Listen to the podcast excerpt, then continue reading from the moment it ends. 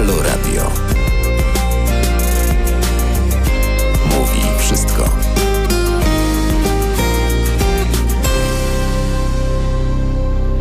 Jest 5 minut po 21.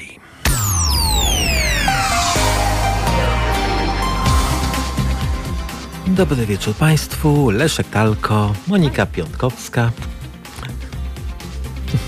Sebastian, nasz realizator. Tak jest. Witamy Państwa w wieczornym programie w czwartek 15 kwietnia. Do końca roku, przypomnę Państwu, zostało nam 260 dni. Imieniny obchodzą dzisiaj Piotr, Teodor, Sylwester, Maksym i Modest. E, w 1983 roku rozpoczęto budowę warszawskiego metra, a w 1912 roku, e, proszę Państwa, gdzie właśnie o tej porze zatonął niezatapialny statek Titanic. week.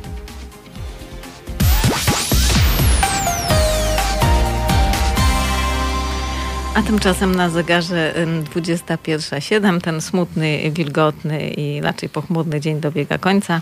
Mam nadzieję, że Państwa trochę rozerwiemy. Dziś audycja Fajną Książkę Wczoraj, czyli to co u nas od książki do nieksiążek, czyli zamiast od życia do książek, jak to jest u pisarzy, to u nas jest odwrotnie, proszę Państwa, od książki do życia. I naszym gościem dzisiaj będzie ktoś, kto zaczynał w książkach, a potem poszedł do życia. E, tak, a właściwie zaczynał e, nie tyle... Zaczynała. Zaczynała, tak, zaczynała. E, e, ale to może trochę nieprecyzyjne sformułowanie, bo e, sugerowałoby to, że zaczynała od jednej książki, a nasza, nasza gościni powie nam pe, pewnie w pewnym momencie sama, ale w wywiadach z nią znalazłem informację, że ona zaczęła od, wiesz ilu? No. 50 milionów książek.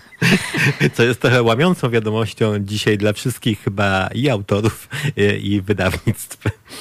Tak, że można, proszę Państwa, 50 milionów książek przepuścić przez jedne ręce, ale były takie czasy, kiedy było to możliwe i dotyczyło to właściwie jednego gatunku książek, które nagle y, rozkwitły niczym róża y, jednej nocy. Albo 50 milionów róż jednej, jednej tak, nocy. Tak, 50 milionów y, róż i zresztą z różami miało dużo, dużo wspólnego. My nie powiemy jeszcze Państwu, o jakie książki chodzi, dlaczego one tak rozkwitły, ale na pewno Państwo się z nimi zetknęliście. Na, na pewno znacie kogoś, kogoś, kto mm, uwielbiał je, choć się do końca do tego nie przyznawał, ponieważ nie zawsze się do tego przyznawano, prawda? E, tak, e, czytywano je czasami, wiesz, po tak... E, ja, wiem, jak, ja wiem, jak je czytywano. Moja znajoma czytywała je w pociągu w ten sposób, że wkładała w inną okładkę. No, ale czytywała pasjami, prawda? Znaczy, że czytywała pasjami, no ale żeby nie było, jak ktoś popatrzy, no to miała tam jakąś inną okładkę. Nie wiem, czy Wojny i Pokoju, czy tylko Idioty Dostojewskiego. Może Idiota by to dobrze pasował, nie? No Idiota, słuchaj, to, to, to, dobrze, by to dobrze by to wyglądało. Ale rzeczywiście tak wtedy, tak wtedy robiono. Nie tylko jednakowo, że o tych książkach będziemy rozmawiać, będziemy rozmawiać również o, e, e, o tajemnicach e, Orientu. Tak, zdecydowanie o tajemnicach Orientu.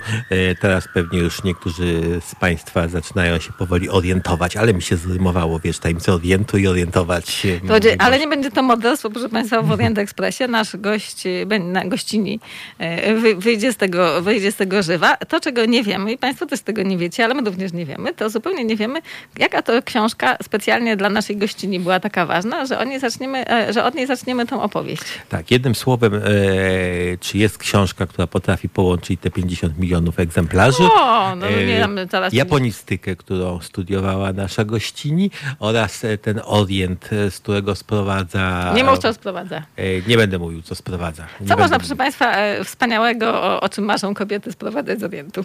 No to takie krótkie pytanie. Teraz małpa halo.radio, jeśli macie Państwo odpowiedź. 22 39 059 22. możecie Państwo zadzwonić i na szybko spróbować rozwiązać ten quiz. Co takiego można sprowadzać z Orientu, o czym marzą kobiety i nie mogą sobie tego odmówić. Zostańcie Państwo z nami.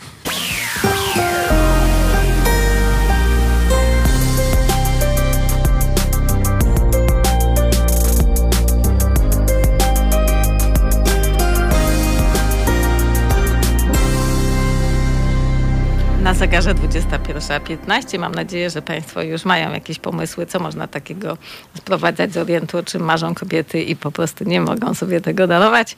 Ale z nami już jest nasza gościni. Leszku, czyń swoją powinność. E, Tak, e, serdecznie Cię witamy. Naszą gościnią dzisiaj jest Nina Kowalewska-Motlik, e, kobieta... Ach, przez dwie godziny będziemy opowiadać, czego, czego, czego, cze, czego dokonała. Słuchaj, dobry wieczór. Dobry wieczór, dobry wieczór Moniko, dobry wieczór Leszku i dobry wieczór Państwu.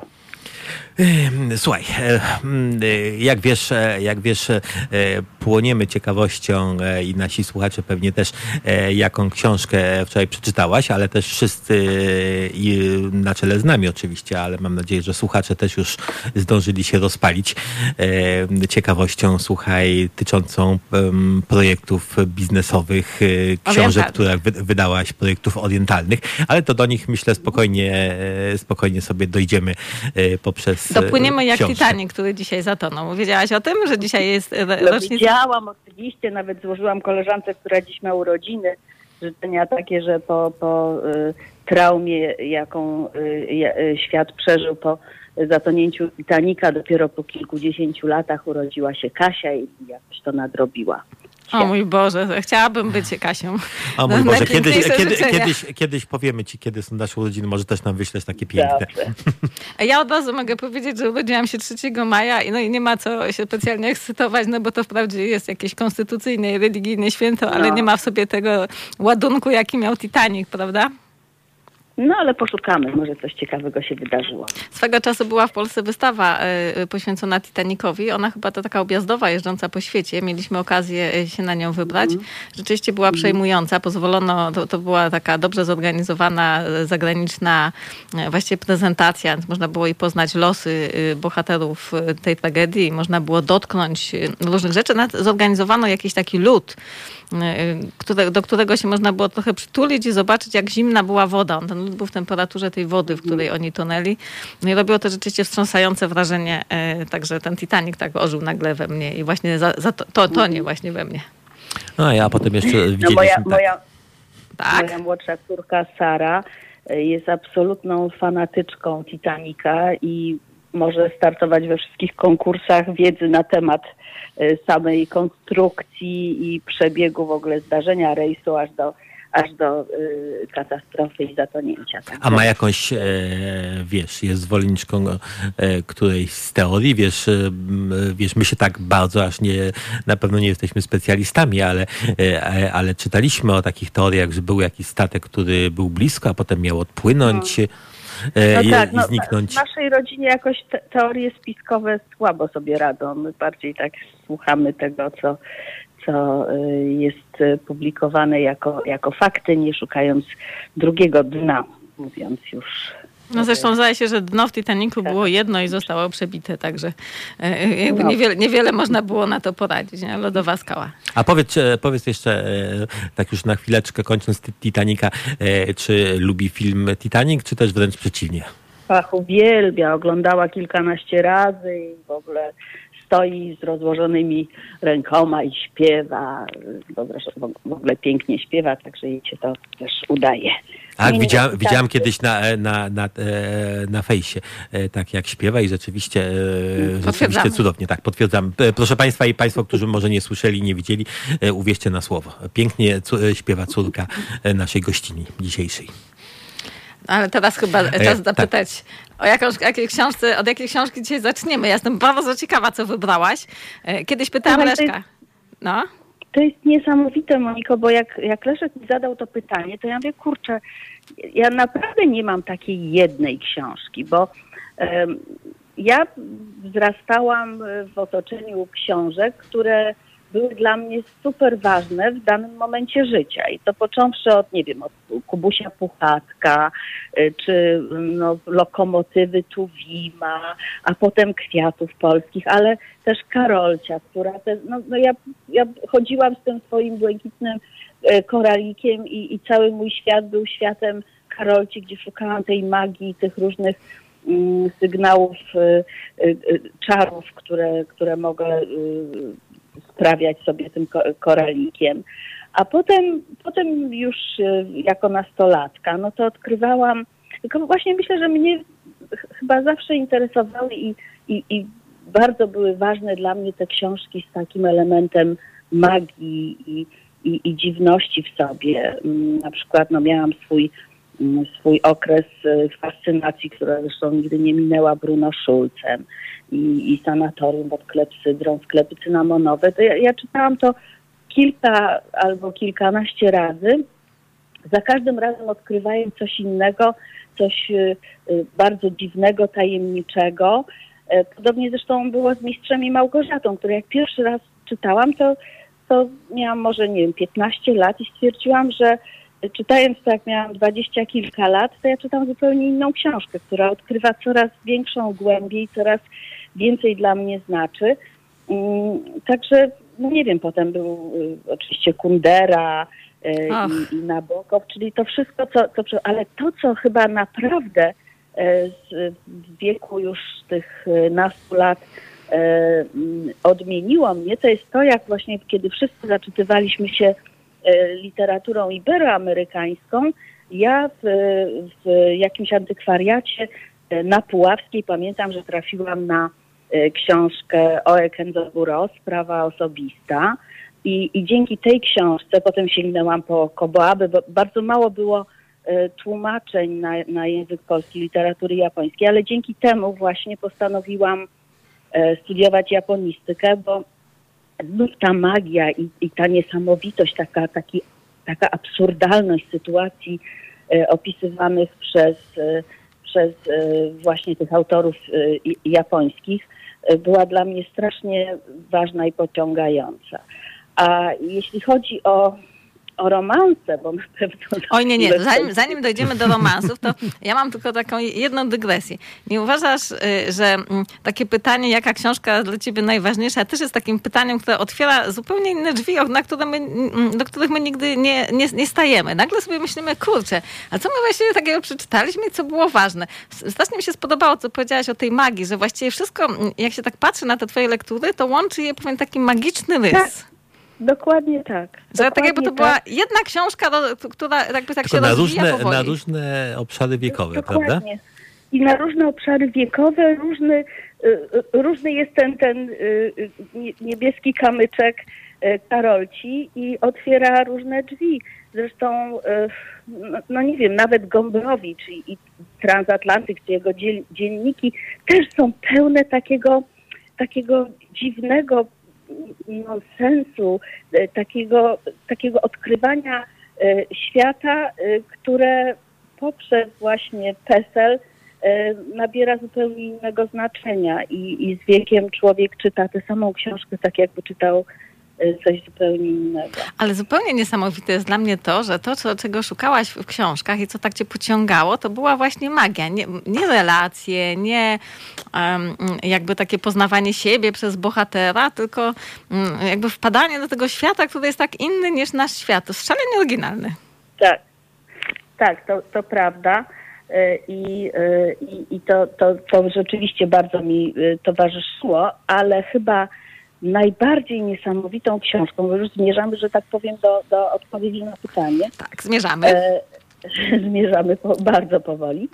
To mm, wyobraźcie sobie, że studiując japonistykę, e, trafiłam na książkę Noama Chomskiego, e, który był twórcą języko, wtedy językoznawstwa generatywnego i w ogóle gramatyki generatywnej, analizy strukturalnej i tak dalej. I moja praca magisterska to była analiza strukturalna japońskich wyrażeń y, grzecznościowych. Musiałam mieć dwóch promotorów. Y, jedne, jednym był pan profesor Kotański, który był profesorem literatury japońskiej, e, a drugi promotor musiał być y, polonistą, który rozumiał językoznawstwo generatywne. I to było strasznie dziwne, jak w ogóle można y, nałożyć schemat językoznawstwa generatywnego, czyli czegoś, co ma y, no, syntaks, semantykę, y, morfologię i, i co to mówi o tym, że wszystkie języki mają taką samą czy podobną strukturę i podobne reguły, do języka tak dziwnego jak język japoński dla nas, dla Polaków i stworzenie jakichś reguł językoznawstwa teoretycznego i struktur syntaktycznych do języka japońskiego, który posiada wiele y, poziomów wyrażeń grzecznościowych. I, I tu jest koniec, kropka, wykrzyknik. Natomiast w tej chwili ja czytam wszystko Noama Chomskiego, który jest y, dla mnie najwybitniejszym myślicielem i politycznym, i filozoficznym, i opisującym świat i wszechświat. Y, I y, no, mam, mam chyba wszystkie jego książki, które, które napisał. I to jest dla mnie niesamowite, że po tylu latach nagle ten Noam Chomsky, który był mi znany tylko jak i wtedy był językoznawcą. On dziś ma 92 lata, no to wtedy miał 50, prawda? E, Mhm. I, I dziś on pisze o tym, kto, kto rządzi światem, em, hegemonia czy, czy przetrwanie, jak zorganizowany jest świat, e, jaka będzie przyszłość i e, o systemach władzy. I nagle jest moim guru z zupełnie innego powodu i jest po prostu wielki i wspaniały. Także To ty To chyba- y, y, nie znalazłaś sobie książki, tylko znalazłaś sobie y, Guru. guru. guru, nie wiedząc o tym, on wtedy był tylko językoznawcą. Także Masz- ja w ogóle ma- nie, nie wiedziałam, Tak, tak, mów. nie mówię, że ja nie wiedziałam, y, że, że w ogóle wróci do mojego życia, bo jakoś niedawno mi była praca z językiem japońskim, że wróci Chomsky do mojego życia jako, jako ekspert od świata i, i od życia.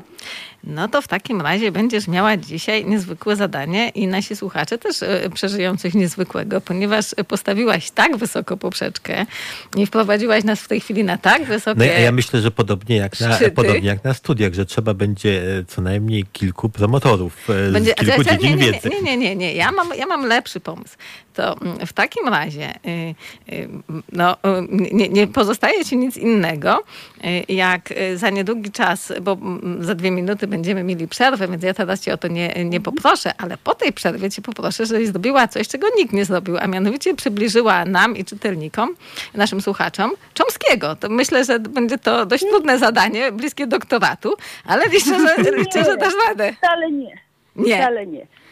No to- ale to Wcale nie tak trudne i, e, i na pewno zachęcam do, do lektury y, Chomskiego. To zachęcisz, E, zachęcisz a- na, pe- na pewno i co więcej, i co więcej myślę, że po naszej audycji y, y, będzie takich trochę ludzi, którzy, którzy po nią sięgną, ale zanim do czego Chomskiego wrócimy, to ja tylko o jednej, y, o jednej rzeczy, o jedną rzecz się zapytam. Mówiłaś, że czytałaś, że jeśli chodzi o beletystykę, to też wracałaś do niej. Czy jak wracałaś do Mistrza Małgorzaty, to zdarzyło ci się, no tak chyba trochę pokrewnej duszy szukam, ale czy zdarzyło ci się wkurzyć na Mistrza i stwierdzić, że on nie był fajną postacią? Ależ oczywiście, Och, że tak. jak dobrze. Ja do, tak, ja dopiero w nim dostrzegłam w ogóle diabła i jakiegoś y, potwora i, i koszmara. Najpierw to było w ogóle wszystko fantastycznie i szukałam w tym jakiegoś romansu i, i historii y, przepięknej. Także jak najbardziej tak. I, A co, ci, e, a, co, ci, a co cię w nim y, najbardziej zi- zirytowało? Bo ja od razu powiem, że doszłam do wniosku, że to jest taki klasyczny, bierny pan, który sobie siądzie na kanapie i powie, dzień dobry, będę się świat Ja, ja, myślę, ja myślę, że, że Mistrza i Małgorzatę od, odgrywamy teraz trochę we współczesnych e, czasach, że mężczyźni są często tacy bierni i pasywni, a kobiety to czarownice. No tak, tak, tak. E, natomiast jeśli chodzi o, e, o romans, to, e, to moim takim romansem wszech, e, wszechczasów jest jednak Anna Karenina. I, I jest to znów e, taki, znaczy ja kompletnie się nie mogłam zgodzić z tym zakończeniem i, e, i to był taki, taki mój bunt wewnętrzny, że, że ma być happy end, bo jeżeli to jest taka historia i tak, tak ciężko do tej miłości dochodziło i taka taka jest ta miłość trudna, no to przynajmniej musi być ten happy end. Tak, należy im Myślę, się, że- po prostu im się należy. Nie? No Jak- tak, jak- dokładnie, tak. im się należy. Tak, Na- jak, jak, zapracowali. Jak premia. Tak, Dokładnie. Zapracowali. To do tego wrócimy. Wrócimy do tego i do Chomskiego, e, a państwo A zostańcie. Zam- zaczniemy, E, tak, ja jestem tak. potwornie tego Chomskiego A wrócimy za dwie minutki. Mów wszystko, czyli powiedz, że jest 21.30. Powiedz jeszcze dla, e, dla słuchaczy, którzy e, mają coś do wtrącenia o zakończeniu Anny Kadeniny albo Noamie Czomskim. E, proszę Ja? Państwa, nie, słuchacze mogą pisać teraz małpa halo.radio albo mogą dzwonić 22 239 059 22. A my wracamy do Czomskiego. Nino, musisz nam wytłumaczyć Czomskiego. Nam i naszym słuchaczom. Bo ja się zatrzymałem No to- trochę, e, zatrzymałem się trochę na tym, że był anarchistą, przyznam ci się, e, co właściwie Tak, pasowałoby do dzisiejszych tak. czasów. On był anarchistą, nazywany jest komunistą e, i e, był w ogóle głównym na, na liście głównych wrogów Nixona, dlatego że, mm, że Chomsky jest bezlitosny i to zarówno no, jako, jako Żyd amerykański ma bardzo ostre poglądy na temat zarówno e, konfliktu izraelsko-palestyńskiego, e, i e, roli Stanów Zjednoczonych, e, ale również na temat e, nierówności e, dochodowych w Stanach Zjednoczonych i e, na temat e, no, no, działań rządu. Więc on jest, on jest takim e, socjalistą, anarchistą, natomiast jest, jest guru młodzieży, jest w ogóle profesorem emeritusem e, MIT, czyli jest cały czas e, bardzo czynny naukowo, zarówno językoznawczo, ale przede wszystkim e, politycznie i, ma bardzo wyraziste poglądy i, i, i jest rzeczywiście anarchistą i socjalistą, czyli jest super cool dla, dla młodych e, Amerykanów, ale nie tylko. Ale to, co jest super dla mnie ciekawe, to jest to, że jego teoria o językoznawstwie generatywnym, e, która była kompletnie wykpiona i skrytykowana jako nieprawdziwa. E, W 2015 roku badania na New York University w Nowym Jorku wykazały, że on miał rację, że on w latach 60. i 70. miał absolutną rację i e, w tej chwili e, jak gdyby przywrócono do łask również jego teorie językoznawcze. Także, a ja, a ja po prostu nie wiem, bo, bo no można mówić właśnie o, o tych e, czarownicach. Ja zawsze uważałam, że, że e, wszystko w moim życiu się dzieje przez jakiś przypadek, ale myślę, że rzeczywiście e, Nie ma przypadków. prawdziwe. To Dokładnie, wszechświat nam to- przynosi. Dlaczego Dokładnie. chcemy? Bardziej prawdziwe jest to, że, że wszechświat mi podpowiedział e, w, w siermiężnych latach 70., mm, kiedy nie było internetu, kiedy nie było American Bookstore w Warszawie żadnego, e, ani Amazona, ani Allegro, e, wpadła mi w ręce też zupełnym przypadkiem, zupełnie przypadkiem i to wiadomo, że przypadków nie ma, książka Naama Cząskie- Cząskiego. Em, zaczęłam zdobywać kolejne A ta pierwsza to była jaka? E, No pierwsza to była właśnie Generative Linguistics i potem y, y, kolejne, znaczy on chyba dwie wtedy popełnił tylko, ale, y, ale niesamowite jest to, jak, jak, y, życie zatacza krąg i te same osoby wracając w zupełnie innym momencie, w zupełnie innym charakterze, y, niosą zupełnie inne informacje. A pamiętasz, jak ten, jak ten nieprzypadek się e, zdarzył? No bo pewnie wtedy no, był jakimś, e, przy braku internetu i braku wszystkiego, no był jakimś anonimowym imieniem i nazwiskiem z jakąś, jakimś dziwnym tytułem. E, Co cię, co cię przywabiło, pamiętasz, do tej książki? Ktoś ci polecił, czy... Ja, tak, tak, tak, tak, tak. Nie, ja, y, ja y, na językoznawstwie i teraz się zamyślam, żeby sobie przypomnieć nazwisko nieżyjącego już pana profesora, y, z którym miałam zajęcia na językoznawstwie dla całej neofilologii i właśnie pan profesor y, wspomniał o Noamie Chomskim. I mi się udało przez kogoś, kto leciał do Londynu, sprowadzić właśnie pierwszą książkę, e, a e, druga wpadła mi w ręce przypadkiem, bo ktoś mi, nawet nie wiem, czy to nie ktoś z uczelni właśnie miał, miał, e, miał w domu, czy gdzieś miał dostęp.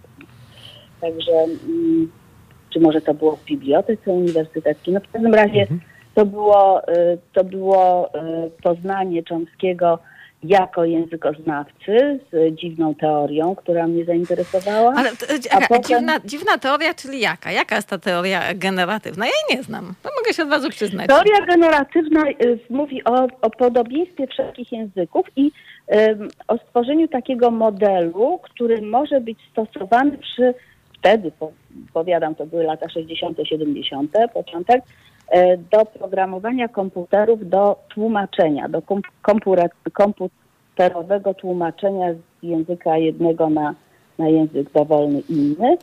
E, I y, no, stworzenie pod- tego dla Ale e, nawet, nawet słuchaj, e, nawet tych języków, e, wiesz, my w ogóle nie jesteśmy językoznawcami, to, to możemy sobie zadawać pytania laickie, więc jako taki zupełny niejęzykoznawca, no sobie wyobrażam, że są na przykład języki indoeuropejskie i są takie języki jak na przykład baskijski, które w ogóle nie wiadomo skąd się wzięły i są zupełnie, zupełnie inne. No to na przykład w świetle tej teorii to, to ten, to baskijski też, też jest podobny, czy, czy, czy jest jakimś wybrykiem? Tak, Dlatego, że według, według Chomskiego on, on mówił o czymś, co się nazywa e, gramatyka uniwersalna i mówił e, o tym, że mm, e, wszystkie języki są jak gdyby podobnie naturalne dla człowieka, dlatego dziecko nie ma problemu z nauczeniem się dowolnego języka, nawet jeżeli nie jest jego językiem ojczystym, że, że to naturalnie wchodzi, a już osoba dorosła musi wykazać się wielką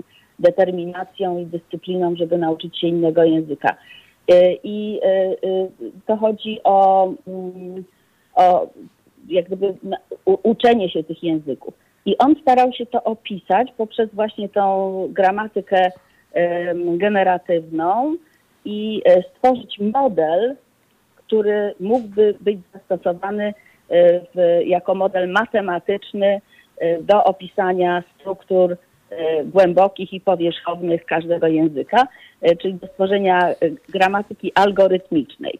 I to wszystko brzmi dzisiaj bardzo skomplikowanie i bardzo, że tak powiem, nowocześnie, ale jeżeli sobie uświadomimy, że to wszystko było W czasach 50 Beatlesów. lat temu, tak, 50 lat temu przez niego stworzone, to tylko jak gdyby podkreśla jego geniusz i e, Ale- przez lata nikt się nie potrafił do tego ustosunkować, e, a, a teraz okazuje się, że, że miał rację. Bo z tego, co ja pamiętam o Chomskim, to jakby mi utkwiła w pamięci takie rozróżnienie na język wewnętrzny i język zewnętrzny. Że każdy z nas y, ma swój język, że, że język właściwie służy nam do rozmowy samym ze sobą, to jest taki wewnętrzny nasz język, natomiast ten, który służy do komunikacji jest w jakimś sensie uniwersalny. Tak. Że jest odbiciem rzeczywistości, rzeczywistości która jest jakoś po, po, po, no, w jakimś sensie podobna, tak? Otacza nas po- podobna rzeczywistość. Może się trochę różnić, bo nie, wiem, nie używamy teraz przetaków, więc może to słowo wypada, ale gdyby były te przetaki, to byśmy go używali. Natomiast trochę czymś innym jest taki wewnętrzny język nasz, którym my się w środku posługujemy. Jakby Chomsky mi się z tym kojarzy, tak? Czy ja dobrze myślę? Mm, Też, ale to, to jest, y, znaczy on, on y, jest to jedna, jedna z rzeczy, o których on mówi, natomiast głównym jak gdyby przełomem w myśleniu i ta, ta transformacja tej, tej gramatyki generatywnej to y, mówiła o tym, żeby znaleźć jakąś formułę, którą można zastosować y, jako algorytm matematyczny do programowania komputerów i, i do tego było to y, stosowane i, i też jest stosowane. Także mm, Taka bardziej nowoczesna forma y, Esperanto miało być językiem, który miał zastąpić wszystkie języki. W zasadzie wtedy nie trzeba było niby niczego tłumaczyć. Y, No natomiast Chomsky, jak rozumiem, y, jakby y, nie, nie wierzył w to, że można wszystkie języki ludziom, ludzi pozbawić ich narodowego nie, języka. nie, nie, nie było to jego ani celem, ani, Tak. E, ani zamiarem, tylko chodziło bardziej o opisanie, o takie opisanie struktury języka, Mhm. e, żeby można było dostosować to do wielu języków. A e, z kolei w przypadku języka japońskiego, który ma no, sześć głównych poziomów grzeczności i w zależności od tego, jakie są relacje między rozmówcami, czyli jeżeli rozmówcy są równi sobie, społecznie, są znajomymi, to używają zupełnie innego czasownika. e, I tutaj trudno jest nawet po polsku oddać e, mm, podobieństwo, ale, ale jest. To znaczy, jeżeli mówimy o jedzeniu, to jeżeli dwóch kumpli ze sobą rozmawia, to mogą powiedzieć, że e, ale się na, na, na wpieprzałem, prawda? Albo Mhm, ale tam szamałem, Tak. szamałem. Czy, no są różne Mhm. czasowniki, natomiast zupełnie nie użyje się tego mm, sformułowania wobec profesora, z którym się rozmawia i i chcąc mu okazać szacunek, albo, bo, bo te poziomy grzeczności są takie, że albo jesteśmy równi, albo ja ciebie wywyższam, albo ja siebie y, poniżam. A czy to nie jest trochę jakby, um, um, powiedzmy, zafrapowało? Słuchaj, ale Nina, czy trochę tak nie jest z każdym językiem i nie nazywamy tego manierami? Oglądamy właśnie serial Downton Abbey po raz e, kolejny, no gdzie jakby ta grzeczność i te kasty społeczne, no i bardzo dobrze e, widać te, te różnice w języku, w zależności od tego, kto się zwraca Downton do. Abbey, bo jeśli słuchacze nas e, nie wiedzą o czym to jest, to jest początek wieku, bardzo zamożna hrabiowska angielska Po zatonięciu rodzina. Titanica. Poza to, e, zaczyna się zresztą od Tak. zatonięcia Titanica. Ten serial Tak. e, mamy e, górę, czyli e, państwa, którzy jakby w tym downtown żyją od lat. To jest rodzina hrabiego Crowleya i dół, czyli służących i, i, i całą tą osadę, która gdzieś tam ich otacza. I, i Czy poziom... tych poziomów w japońskim jest jeszcze więcej niż w takim dworze angielskim? Ależ tak, oczywiście, że tak i, i są bardziej y, do dnia dzisiejszego y, wymagane. To znaczy nie, nie, nie można inaczej mówić bez robienia y, jakiegoś strasznego afrontu. Y, I moim, moim celem, ponieważ ja widziałam i wiedziałam, jak trudno jest, jest mi nauczyć się i zrozumieć te niuanse, to zafascynowało mnie to, jakby Chomsky zaprogramował komputer, żeby wiedział, Żeby wykrył to. Żeby to według y, kontekstu rozmówców i kontekstu rozmowy, żeby wiedział, który y, zastosować czasownik, a nie mówimy o, mm, o sytuacji takiej, że mówimy, że jeść albo zechciej pan zjeść, tylko to są zupełnie inne czasowniki, które zupełnie inaczej się pisze y, i zupełnie inaczej brzmią. Ale również w takich e, sytuacjach codziennych, czyli że na przykład niemożliwe jest zrobienie zwykłych rozmówek e, takich polsko-japońskich, bo e, zwykłe, nie wiem, zapytanie o drogę albo gdzie można, e, gdzie, jest, e, gdzie jest restauracja, również brzmiałoby inaczej w zależności od tego, jaka jest pozycja moja, a jaka rozmówcy. Na ogół zapytanie o drogę e, dotyczy osób, które się nie znają, czyli nieznajomych i wtedy zawsze stosuje się pewną formę grzeczności wobec, wobec rozmówcy. E, Zupełnie inaczej jest, jeżeli są relacje w pracy na przykład, gdzie ja jestem em, asystentką, a, a ty jesteś prezesem. E, I, e, I zupełnie inne są relacje na przykład w, w rodzinie, czy, czy wobec osoby starszej, która jest zawsze najbardziej szanowana i, i używa się innych form językowych.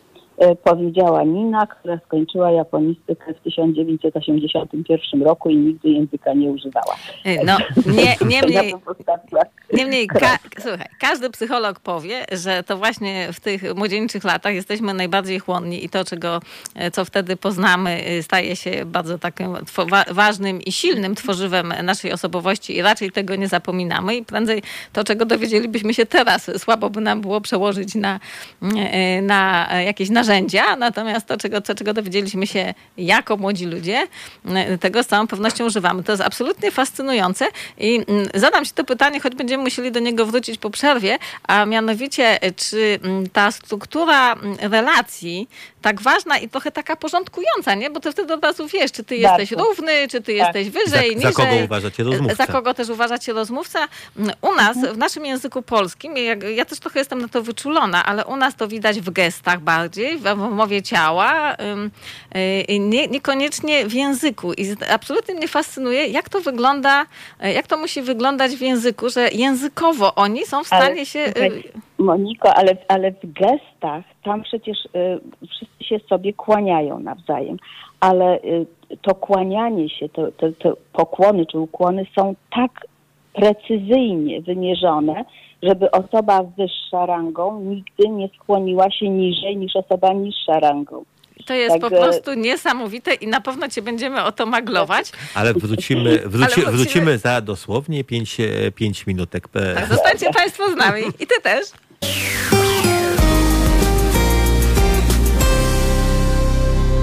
No i zrobiła się, proszę Państwa, godzina 21.50 I pół. i pół, a my tutaj Przez jesteśmy... pięć minut gadaliśmy jak najęci o grzeczności. I Tak, ale to jest bardzo ważny temat i ja cię, Nina, od razu zapytam. Słuchaj, w Polsce nie jest tak, żeby, y, że te, te coraz młodsze pokolenia, y, powiedzmy, coraz mniej się do manier stosują i zaczyna być właściwie normą, że mm, nawet ludzie y, na wysokich stanowiskach w, y, y, w parlamencie, y, y, politycy, no to są jednak takie mm, zawody, no już prestiżowe, nazwijmy to.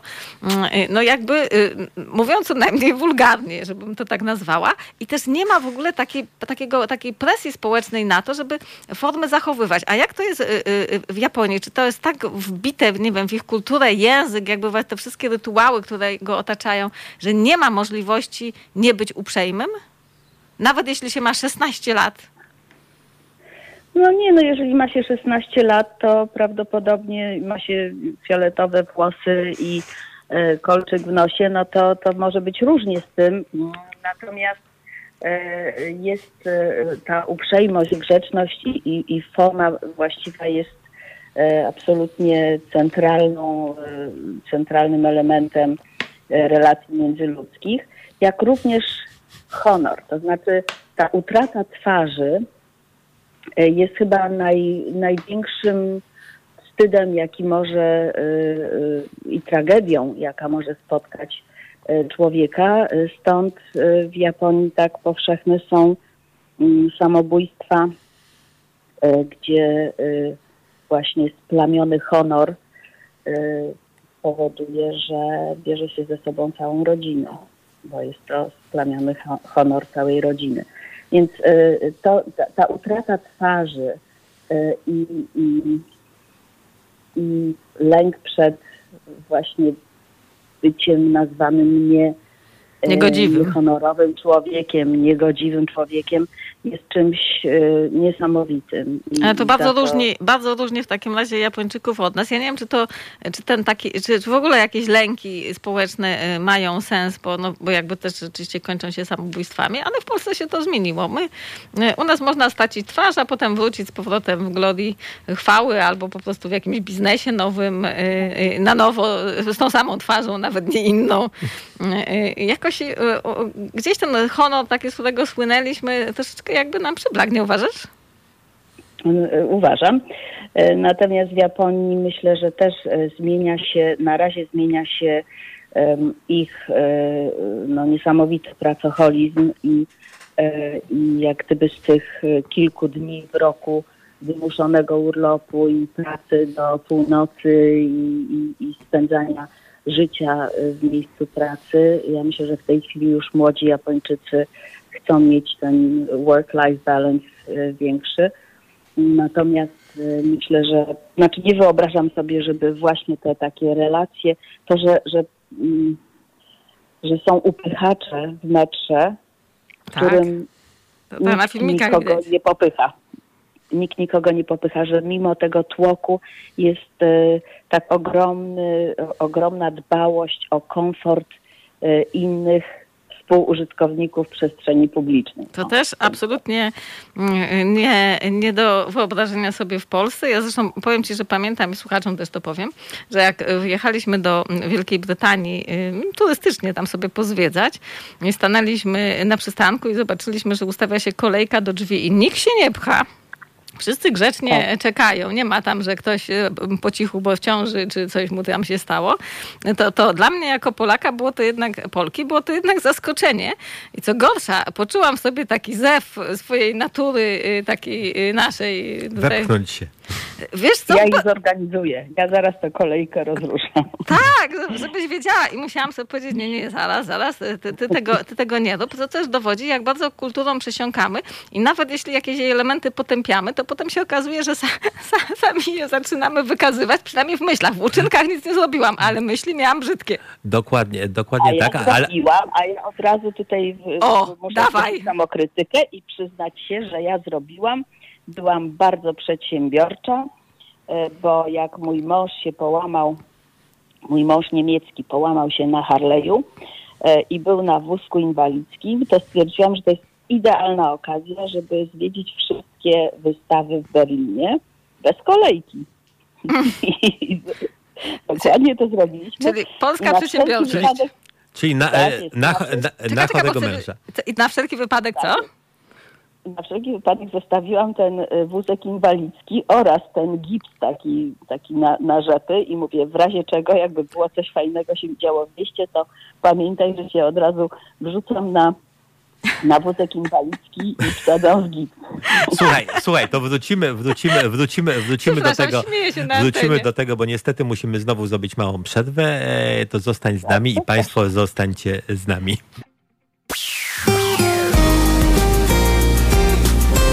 Halo Radio. Mówi wszystko. Mówi też, że jest 22.05. Wracamy na antenę. Naszym, naszą gościnią, przypomnijmy, jest kto? Nina Kowalewska-Motlik i przez te całe długie 10 minut, które się dłużyły i nie mogliśmy z nią rozmawiać, nutowało mnie pytanie po tym wszystkim, co usłyszeliśmy. Ni- Nina, on sobie je po prostu przygotował i strasznie chce je zadać, więc ja zamilknę. Leszku, mów. Słuchaj, dziękuję Ci bardzo. Słuchaj, to zadam Ci wreszcie, wreszcie to pytanie po e, takim długim rozbiegu. Słuchaj, po tym wszystkim, co nam e, e, opowiedziałaś, słuchaj, wyjaśnij tak skrótowo w takim razie, jak to się stało, że nie jesteś teraz potężną panią profesor wykładającą gdzieś na Harvardzie językoznawstwo albo japonistykę, tylko jesteś jednak, słuchaj, znaną bizneswoman, robiącą dużo różnych biznesów, o których jeszcze opowiem przez tą godzinę, która nam zaraz, została. ale mnie bardziej interesuje, jak to się stało, że to nie była e, nie profesura i, i te wszystkie tam tytuły, tylko że ty byłaś tą osobą, o której państwo nawet nie, wie, nie, nie wiedzą, że zmieniłaś ich życie, wprowadzając na polski rynek wszelkiego rodzaju romanse zwane harlekinami. No, gdyby nie ty, to w ogóle inaczej by wyglądało czytelnictwo w Polsce. Ale jak to się stało, że to nie był Abekobo? Ojejku, no takie A. były czasy. To, to, był, to był czas, to był stan wojenny, to był 83 rok po stanie wojennym i niestety y, nie mogłam podjąć pracy w japońskiej agencji prasowej Asahi Shimbun, bo postawiono mi na ulicy Rakowieckiej warunki, których nie byłam gotowa spełnić. W związku z czym mi powiedziano, że w takim razie nie będę pracować z japońskim. Naprawdę? Powiedziano ci, że jak nie będziesz grzeczna i nie będziesz mówiła, co wszyscy Tak. mówią, to ty nie będziesz pracowała? Tak, tak, dokładnie tak było. y, I, i, y, i to, była, to była pierwsza y, tragedia w moim życiu dorosłym, bo miałam zupełnie inne plany i pomysły. Ale tak naprawdę, to jak, jak powiedziałam na wstępie, wszystko w moim życiu zdarzyło się przez, przez przypadek, którego jak wiemy nie ma. W związku z czym uznałam, że no skoro nie tak, no to trzeba jakoś inaczej i, e, i zaczęłam pracę w radiu e, jak w, redakcji amerykańskiej, e, jako po prostu najpierw tłumaczka, potem na antenę nawet mnie wpuszczono, e, potem jakieś wywiady robiłam. Także życie moje ułożyło się e, tak, po czym przypadkiem e, poznałam człowieka, który który szukał kogoś do pracy w zupełnie innej firmie, w zupełnie innej branży e, i, i wreszcie trafiłam do Financial Times, a z Financial Times trafiłam do, mm, do Harlekina. Znaczy też organizowałam y, or- or- organizowia- organizowałam e, rekrutację prezesa, redaktora naczelnego i po tych trzech rundach dla Kanadyjczyków okazało się, że zaproponowano to mi te, te, te, te prace i byłam bardzo zdziwiona, bo, e, bo tak naprawdę ja nic nie wiedziałam w ogóle o wydawaniu książek, a już na pewno o wydawaniu 26 tytułów miesięcznie. E, I y, no to I to jeszcze tytu, tytułów, dodajmy, dodajmy e, e, że są to no, tytuły e, tak zwanej literatury no, stricte kobiecej, jak to się teraz mówi, Mm, czyli po prostu... e, No i, i masowej, kultura Tak, masowa, tak. literatura masowa. A ty po Abekobo książek. i zupełnie innej bajki. Tak, ale to, to, to, była, to była praca i jak już mówiłam wcześniej, ja pracowałam w takiej amerykańskiej firmie chemicznej y, Dow Chemical, a też y, jak w, Rejtanie skończyła mi się chemia chyba w trzeciej klasie, to, to powiedziałam sobie, że nigdy w życiu już nie dotknę tej chemii, bo tak strasznie nie lubiłam chemii. Nagle musiałam się uczyć e, chemii różnych e, żywic epoksydowych e, i na targach być ekspertką od tego i, i słuchać, jak I to jest mówią, cudowne. Żynie. Ale, y, Także... ale y, Nina, żeby było jasne, ja jestem absolutnie zafascynowana literaturą, nazwijmy to romansową, ponieważ ja w ogóle wyznaję teorię, że książki są od tego, żeby być rozrywką i do tego jakby na początku służyły. Więc y, jakby mnie to fascynuje, ale też podziwiam i ja bardzo sobie cenię, od razu tutaj się tak wyznanie takie złożę, te, tą naszą, tą, tą działalność człowieka, która zmienia świat. Harlekiny bardzo zmieniły Polaków i otworzyły. Więc ja tak z taką dumą cię o to zapytałam, i jeszcze z dumą cię o to zapytam, bo to był absolutnie niesamowity czas, który y, zmienił polską, mm, polskie czytelnictwo i ja wcale nigdy bym nie powiedziała, że na złe. On je po prostu rozwinął, ale to za chwileczkę. Zostańcie Państwo z nami.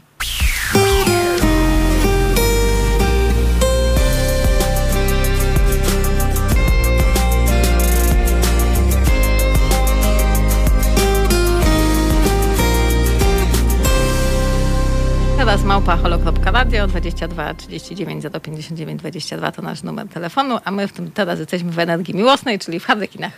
Tak, jesteś w Harlekinach. E, e, zresztą ja się e, spotkałem, spotkałem z tobą wtedy po raz pierwszy. Pisałem wtedy tekst o, Harlek, o Harlekinach, w ogóle o romansach, o tym, co podnieca, co podnieca polskie, polskich czytelników i, i czytelniczki, które wtedy, pamiętam, to było całkowite szaleństwo. Te harlekiny były wszędzie, były, tak. E, były w kioskach ruchu, e, no właściwie na każdym roku mo można było e, kupić ten mhm. harlekin. Powiedz, powiedz słuchaj, czy, bo, bo, bo, bo wydawnictwo istnieje przecież do dzisiaj, prawda? Ale kiedy taka hossa właściwie, kiedy ta hossa się tak skończyła, ta ogromna hossa?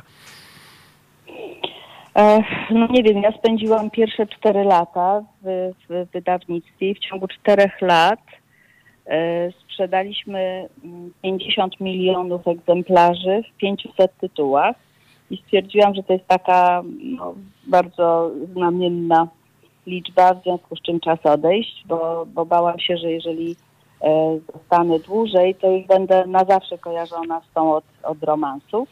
A e, wykonaliśmy naprawdę bardzo, bardzo porządną pracę, bo dla nas tłumaczyli najwybitniejsi tłumacze i intelektualiści pod różnymi e, pseudonimami, bo zależało mi bardzo na tym, że e, jeżeli ktoś ma awersję do gatunku, to, to to jest jedna rzecz, ale żeby nikt nie mógł zarzucić, zarzucić e, tym, książeczkom tego, że to jest szmira, w sensie, że jest źle przetłumaczona i, i są błędy językowe i E, I wydaje mi się, powiem nieskromnie, że te polskie pierwsze harlekiny e, przefiltrowane przez intelekt profesora Marcina Króla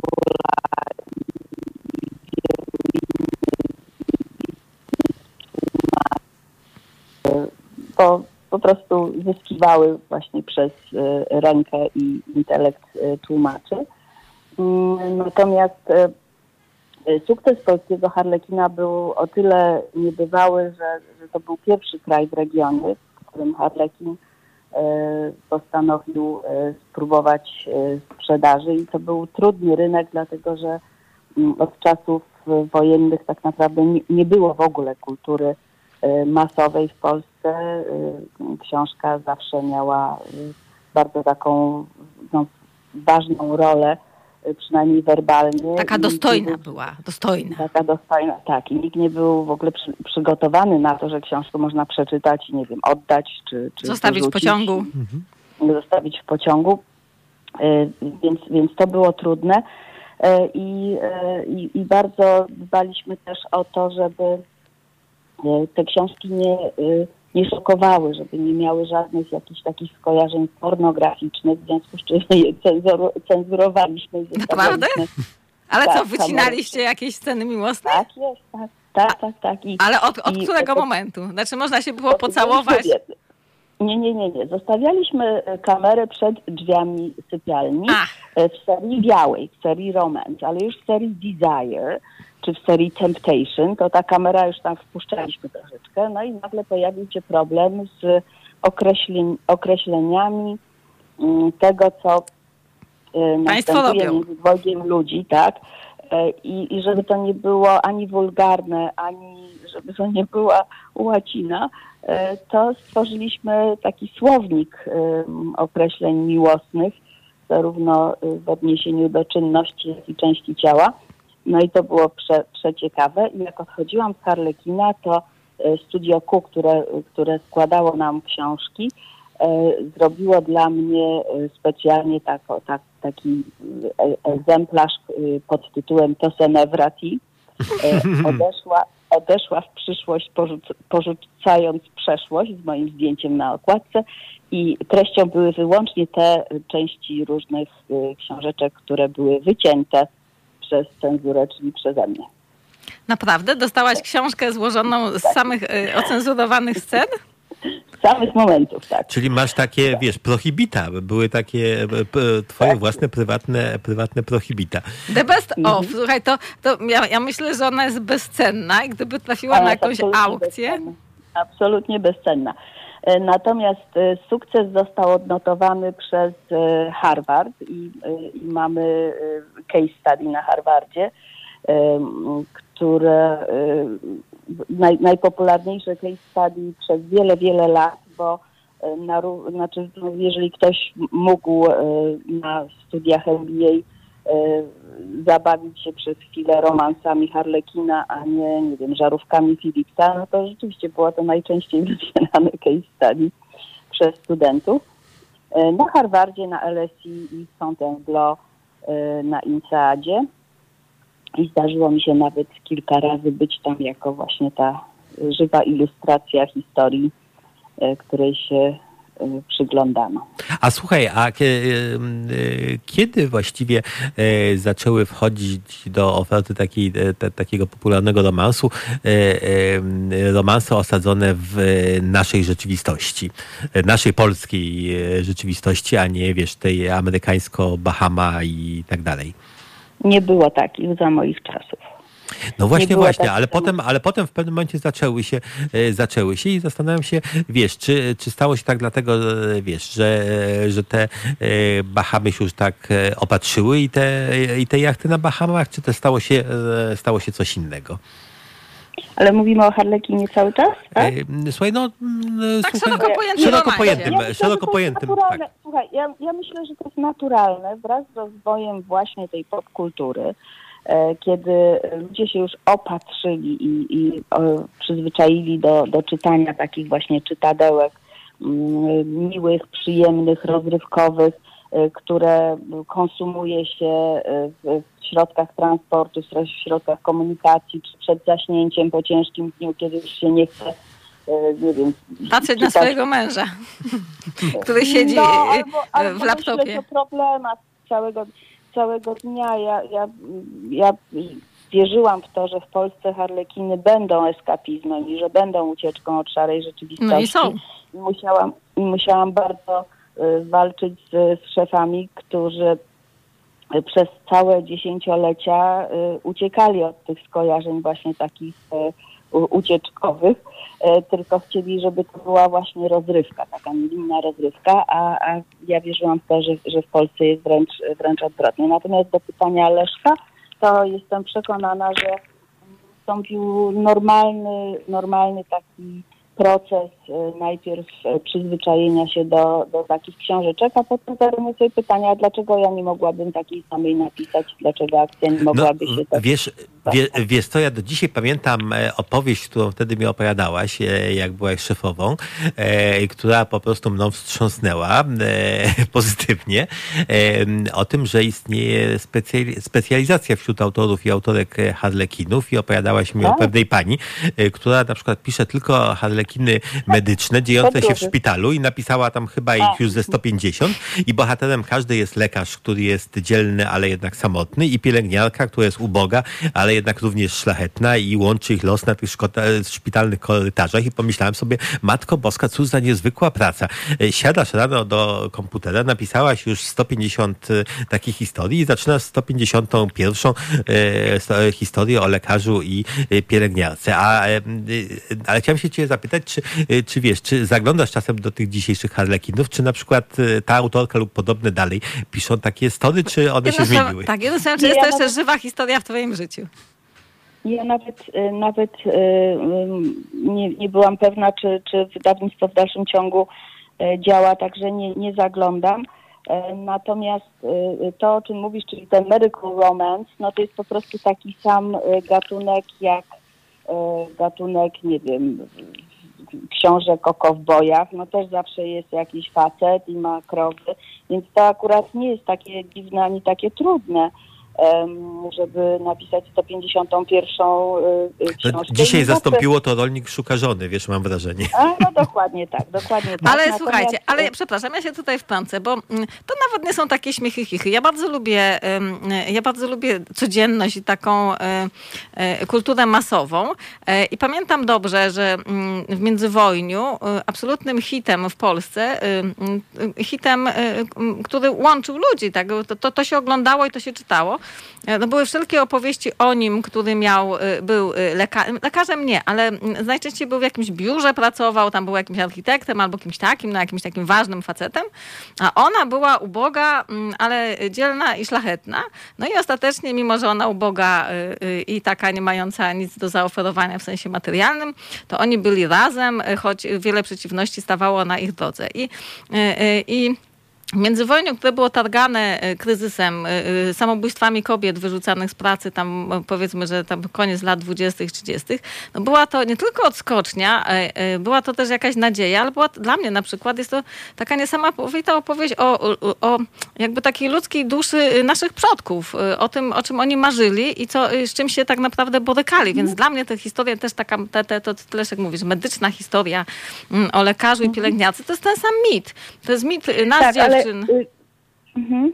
Z tym, że Moniko, y, ja, ja chciałam tutaj jak gdyby mm, troszeczkę na, nakreślić różnicę, bo, y, bo to, o czym ty mówisz, to rzeczywiście takie były historie, o, on porządny, ona porządna i, i Leszek dokładnie tak określił ten medical romances, a ja bym bardziej je określiła jak, no nie wiem, Notting Hill, czy E, czy e, jakiekolwiek e, filmy hollywoodzkie, które są romansami, które dotyczą jakiegoś mężczyzny i jakiejś kobiety, którzy spotykają w jakiejś, w jakiejś sytuacji życiowej. Ale to, to jest okoliczności, tak. Ale, ale tu jest bardzo duży element i, i anegdoty i właśnie takich fajnych, współczesnych elementów, które nie są właśnie smutne e, i dramatyczne i siermiężne i ona nie ma wcale zamiaru popełnić samobójstwa. Zawsze jest coś, coś takiego,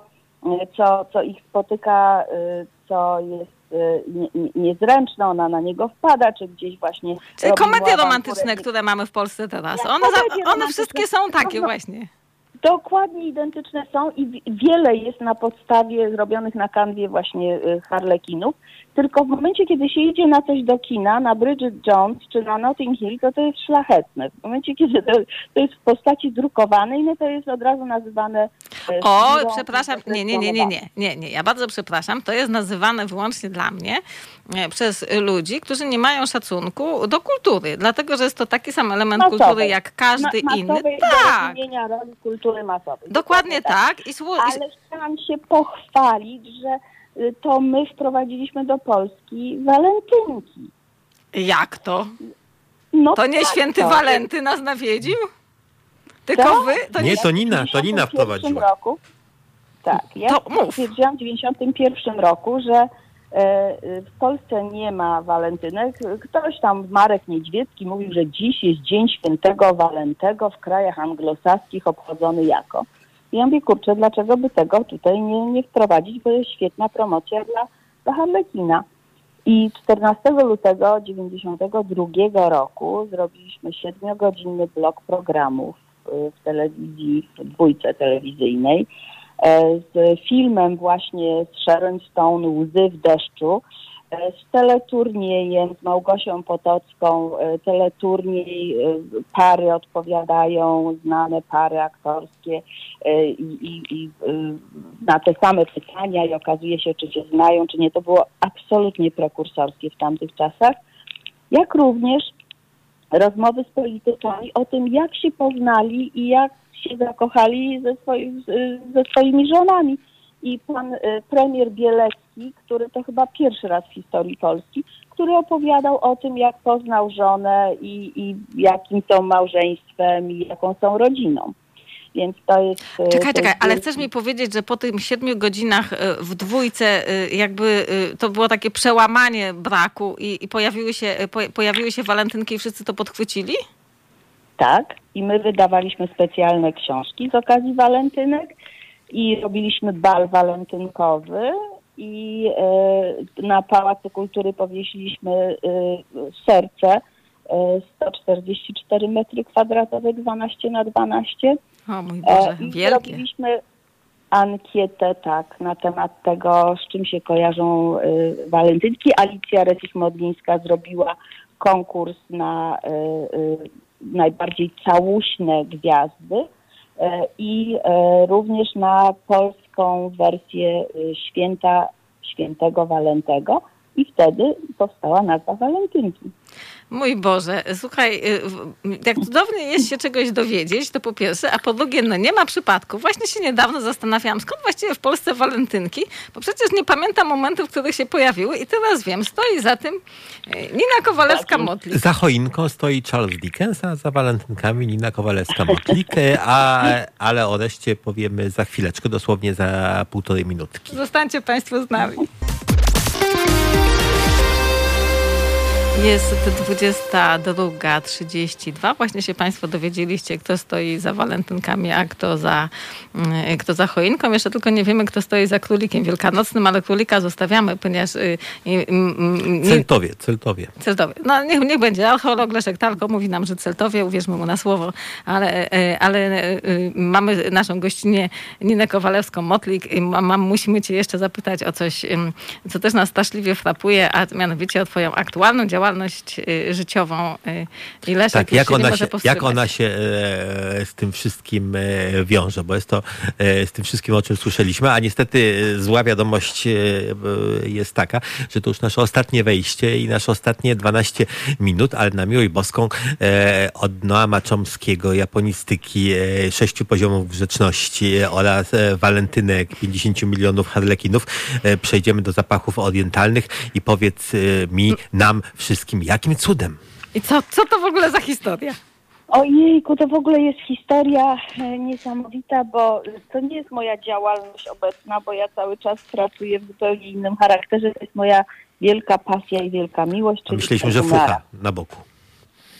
No fucha na boku, tak.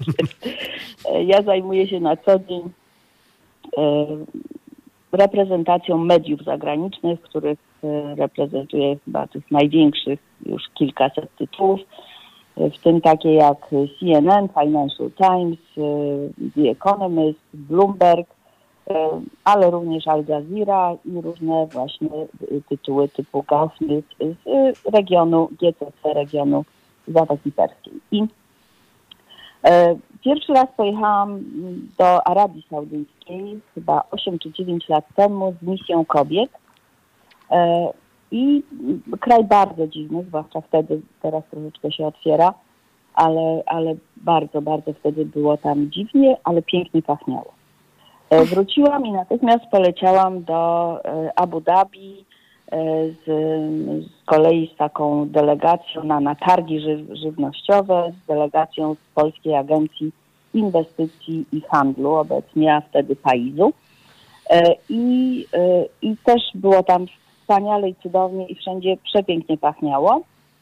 E, stamtąd pojechałam do Dubaju sama e, w drugim dniu tych targów e, i tam jeszcze piękniej pachniało i stwierdziłam, że mm, skoro są te targi żywności, to ja tam założę firmę i będę pomagać polskim firmom robić interesy w Dubaju. Sama będąc tam jeden dzień. E, no i tak jak postanowiłam, tak zrobiłam. Mm, założyłam tę firmę i cały czas mi coraz piękniej tam pachniało i coraz więcej tych perfum kupowałam i przywoziłam. I absolutnie wszyscy byli oczarowani i coraz więcej musiałam przywozić, bo każdy prosił dla mamy, dla siostry, dla, y, dla siebie jeszcze drugie, trzecie i tak dalej. W końcu ktoś powiedział, że skoro tak się podobają, to żebym założyła sklep. Y, I ja y, na zasadzie takiej już wierząc, że, że jest to zupełnie niemożliwe, powiedziałam, dobra, to umawiamy się tak, znajdźcie mi lokal na Mokotowskiej i zakładam sklep oni znaleźli y, i ja musiałam y, otworzyć sklep. A poczekaj, dlaczego no, akurat tylko na Mokotowskiej? wydawało mi się, ja tam byłam akurat w, restauracji, ale wino, y, ten, ten zakład miał miejsce i wydawało mi się, że jest to po prostu taka ulica snobistyczna. Byłam tam drugi raz w życiu, w ogóle, ale widziałam, że tam są jakieś takie drogie butiki i, y, i na pewno, że niemożliwe jest znalezienie na niej wolnego y, sklepu. No ale znaleźli i jestem już tam siódmy rok. I teraz zaczęło się niewinnie, bo poleciałam do, y, do Dubaju, właśnie do, dostałam się do prezesa tej firmy JAS, której perfumy mi się tak bardzo podobały. E, on zupełnie nie chciał ze mną rozmawiać, w ogóle nie wiedział, gdzie jest Polska i o co mi chodzi. Oni tutaj robią wielkie interesy wyłącznie w regionie, a ja miałam wizytówkę e, ich Ministerstwa Gospodarki, bo pracowałam przy pewnych targach inwestycyjnych. E, I jak on zobaczył tę wizytówkę po arabsku Ministerstwa Gospodarki, no to stanął na baczność i spytał, jak może mi pomóc. No i w ten sposób namówiłam ich do współpracy z krajem, którego kompletnie nie znali, ale dzięki temu y, jestem jedynym poza regionem GCC przedstawicielem y, tych perfum i y, ktokolwiek zamawia z innego kraju, to ich odsyłają do mnie, w związku z czym ja nie tylko muszę do Europy wysyłać, ale również do Stanów Zjednoczonych, a czasem nawet mam zamówienie z Australii, bo oni, żeby się po prostu od Y, odpędzić od klientów. Wszystkich kierują teraz do mnie.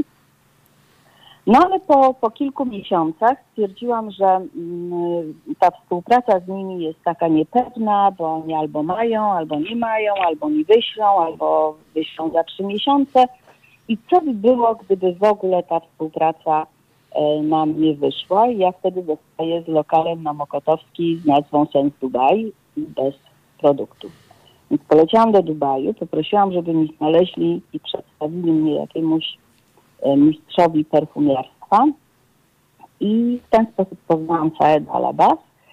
I, I tutaj znów e, nastąpiło takie kolędowanie, czyli poznawanie jego mamy, jego żony, jego dzieci, bo, bo tam bardziej niż gdziekolwiek, e, tak jak Japończycy są bardzo wycofani i tacy bardzo uprzejmi, zachowujący dystans, tak Arabowie muszą, e, muszą wejść w relację bardzo bliską. Oni musieli poznać mojego męża, moje dzieci, e, żeby, żeby przekonać się, kim jestem, jakim jestem człowiekiem i czy chcą ze mną współpracować. No i w momencie, kiedy już w kuchni u Saeda z jego matką, jego żoną jadłam y, koźle, koźle w ryżu gotowane wyjadając to z rękami z, z garnka razem z nimi, to wtedy odważyłam się i spytałam, czy zrobi dla mnie perfumy. No i w tej chwili już mam 22 własne zapachy, stworzone tylko dla mnie, których nie ma nigdzie indziej na świecie i które również są, w tej chwili już są w Amazonii i niemieckim, całym, w całej Europie i również są wysyłane na cały świat i to jest dla mnie tak wielką frajdą, bo y, zanim nam się skończy czas antenowy, to tylko zetnę to wszystko. No. Otóż od Harlekina, który polegał na tym, żeby było dużo, tanio i sprzedać to marzenie tej umęczonej kobiecie, ja doszłam do przeciwnego bieguna, czyli w tej chwili jest mało, ekskluzywnie, ale ja nadal sprzedaję marzenie tej y, kobiecie, która, czy mężczyźnie, który, którzy marzą o tym, żeby przeżyć jakieś takie bardzo piękne chwile, a perfumy, bo teraz też się nauczyłam tego, że dlaczego zmysł węchu jest tak ważny. Nie tylko dlatego, że bez węchu nie mamy, nie czujemy smaku, co niestety w covid wiele osób. To nieprawda. To nieprawda. Jestem osobą, która nie ma węchu, a czuje smak. Okej, okay. no, no, no, to ja, Monika, to ja muszę cię zaprosić i ja cię przekonam, że, że y, czujesz, że masz węch. Nie mam, nie mam, nie mam, nie mam, absolutnie, nigdy nie miałam. Y, y ale nie z powodu covid Nie z powodu tak... covid po prostu tak, tak się urodziłam. Okay. Natomiast czuję, y, czuję, czuję, smak, ale wiem, że, mm, ale wiem, że jest dość popularne, że jak jest przytępiony węch, no to też jakby, czy tam nie ma go, to rzeczywiście czasami, ale nie zawsze tak jest. Jakby chciałam tylko powiedzieć, że są mhm. wyjątki. Mhm. Dobrze. E, a ja podejmuję wyzwanie, żeby, e, żeby spowodować, że poczujesz zapach, e, bo mamy ileś osób, które albo właśnie po przebytej grypie przez 17 lat nie miały w ogóle węchu, a nasze perfumy poczuły, bo one mają niezwykłą koncentrację i też mają naturalne olejki, naturalne składniki i mają piżmo, ambrę. Przyjmuję... A widzisz, challenge masz teraz? Mam, y, Nina przyjmuje wyzwanie, aczkolwiek wiem, że wygram, e, e, więc no trochę, trochę przyjmuję ale... tak na takiej zasadzie, że no jednak, jednak podniosę rękę. Ale przerwałam ci, przerwałam ci podsumowanie. Powiedziałaś, że doszłaś od tego... Jest, podsumowanie jest takie, że że zmysł węchu i, i polega na tym, że w momencie, kiedy coś wąchamy, to w ułamek sekundy przechodzi do mózgu, do ciała migdałowatego, które jest odpowiedzialne za wspomnienia i doznania. O tak, emocje natychmiast wracają. Ludzie, ludzie często I o tym mówią. emocje. Jeżeli wracają emocje pozytywne, to natychmiast wytwarza się e, endorfiny i serotoninę, w związku z czym ogon merda od rana do nocy, więc mi już siódmy rok ogon merda. Uwielbiam tam przebywać, w tych wszystkich cudownych zapachach i w tym cudownym świecie i nic nie jest w stanie mnie wyprowadzić z równowagi y, i po prostu wierzę w to, że te perfumy mają jakąś moc sprawczą na, na optymizm i dobre samopoczucie ale tak naprawdę to ja nie sprzedaję perfum, sprzedaję marzenia. A ja bym, a ja bym zrobiła, Nina, a ja bym zrobiła jeszcze inne podsumowanie, bo jak tak słucham, to mi przyszły dwie rzeczy do głowy. Pierwsza to taka, że zawsze mi się wydawało, że to Irena Kwiatkowska jest kobietą pracującą, która żadnej pracy się nie boi, ale zmienię w tej chwili to przekonanie i powiem, że to Nina Kowalewska-Motlik jest osobą, której żadnej pracy się nie boi, jest prawdziwie pracującą kobietą. Mówię tutaj o tym, że jest dla mnie absolutnie fascynujące, jak ty potrafisz mm, mm, z branży do branży z, jakby z działalności do działalności tak naturalnie przejść i jakby z taką samą energią, pasją i, i chęcią uczenia się, jakby to, to dla ludzi mhm. często bardzo trudne, żeby jakby wejść coś nowego się nauczyć. Ale to jest takie mhm. ogólne. Natomiast drugie, druga myśl, jaka mi przyszła, to jest taka, że tak naprawdę twoje życie zatoczyło koło. Wyszło od magii i do magii wróciło i przez cały czas szło, szło przez, przez tą magię, ponieważ zapach, a już na pewno zapachy arabskie, zapachy tego regionu są niesamowicie magiczne. No, jeśli jeśli tak. y, y, jakby słyszymy piżmo, to co widzimy? Widzimy Aladyna, widzimy latający dywan, Księgę Tysiąca Jednej Nocy. Y, no, tak widzimy po prostu całą, całą tą magiczną otoczkę. Fata Morgana również. Tak, i wydaje, wydaje się, że ta Karolcia nigdy się nie skończyła i teraz też się nie kończy. To jest niesamowita nie historia. Się absolutnie. Tak. I dlatego trzeba w sobie kultywować dziecko i, i, i cały czas dbać o to dziecko i właśnie w tej chwili rozmawiając z wami, mam w dłoni, trzymam książkę 1001 Nights Hanana Al-Shaika no, proszę. i 1001 Arabian Nights Geraldine McGorgan, whatever her name is. I, e, i cały czas, e, cały czas jest ta magia. I ta magia jest, jest absolutnie kluczowa, żeby nie zwariować w tych e, bardzo ciężkich i, i dziwnych czasach. Mm, które... Och, och, zaraz zwariować, nie? Tu, tu opowiadać nam historię y, kobiety sukcesu, która idzie od jednej niezwykłej leci, historii. Leci do, na latającym dywanie. Która, leci, tak, tak. Nina, e, gdyby, nie, gdybym ja, ja, ja bym się namalowała na latającym dywanie, tak. Jeszcze gdzieś w okolicach tego wielkiego serca na okładce i Harlekina. Na okładce Harlekina. Nie, na okładce, nie. Ja, ja, zawsze, ja zawsze moim mentee mówię, nie święci garnki lepią. Naprawdę. Wszystkiego można się nauczyć i wszystko możemy robić. To, co tylko zależy od tego, jakie mamy nastawienie, jaką determinację i, i przekonanie i, i pasję, absolutnie pasję. A ja mam taką samą pasję do, do nie wiem, smażenia mielonych, jak i do, do robienia Perfum. wielkich Kie- Kiedyś, kiedyś do ciebie pójdziemy na, na kurs latania na latającym dywanie. Słuchaj, mielone wychodzą nam latające dywany nie A do ja, końca jestem, a ja jestem jeszcze. naprawdę straszliwie ciekawa, czy rzeczywiście udałoby ci się złamać mój nos. Y, y, na zakończenie, Ale na zakończenie powiem, że wszyscy próbowali jeszcze nikomu się nie udało. Złamać nos? Bo co ludzie o mnie pomyślą? Ale Moniko, jeżeli nie poczujesz czarnego piżma, na No. które mówimy y, bardzo brzydko, czyli dupa jelenia, jeżeli ty tego zapachu nie poczujesz, to wtedy ci uwierzę. Dobrze, w takim razie jesteśmy omówione na dupę jelenia. E, i Ja postaram się być e, uczciwa i uczciwie powiem, e, czy czuję, czy nie czuję. Ale nie oszukuj, Nie, jak, absolutnie. jak przy Monopolu. Nie, przy Monopolu nie oszukuję, bo jest za długi. Nina, bardzo Ci dziękuję za, mm, za, za gościnę w naszym, w naszym studio. To Wprowadziłaś ja dużo... bardzo serdecznie dziękuję. My bardziej dziękujemy. My- My, my, my dziękujemy na siódmym poziomie grzeczności. Tak, jeśli jest Jeśli taki, istnieje. jeśli, jeśli istnieje takie, to kłaniamy się nisko i na siódmym poziomie dzięk, wdzięczności dziękujemy za cudowną energię i wspaniałe opowieści, którymi, którymi nas uraczyłaś i które y, dzięki y, falom radiowym mogły też trafić do naszych słuchaczy. Wszystkiego dobrego. Dobranoc. Dziękuję, wszystkiego dobrego, dobranoc.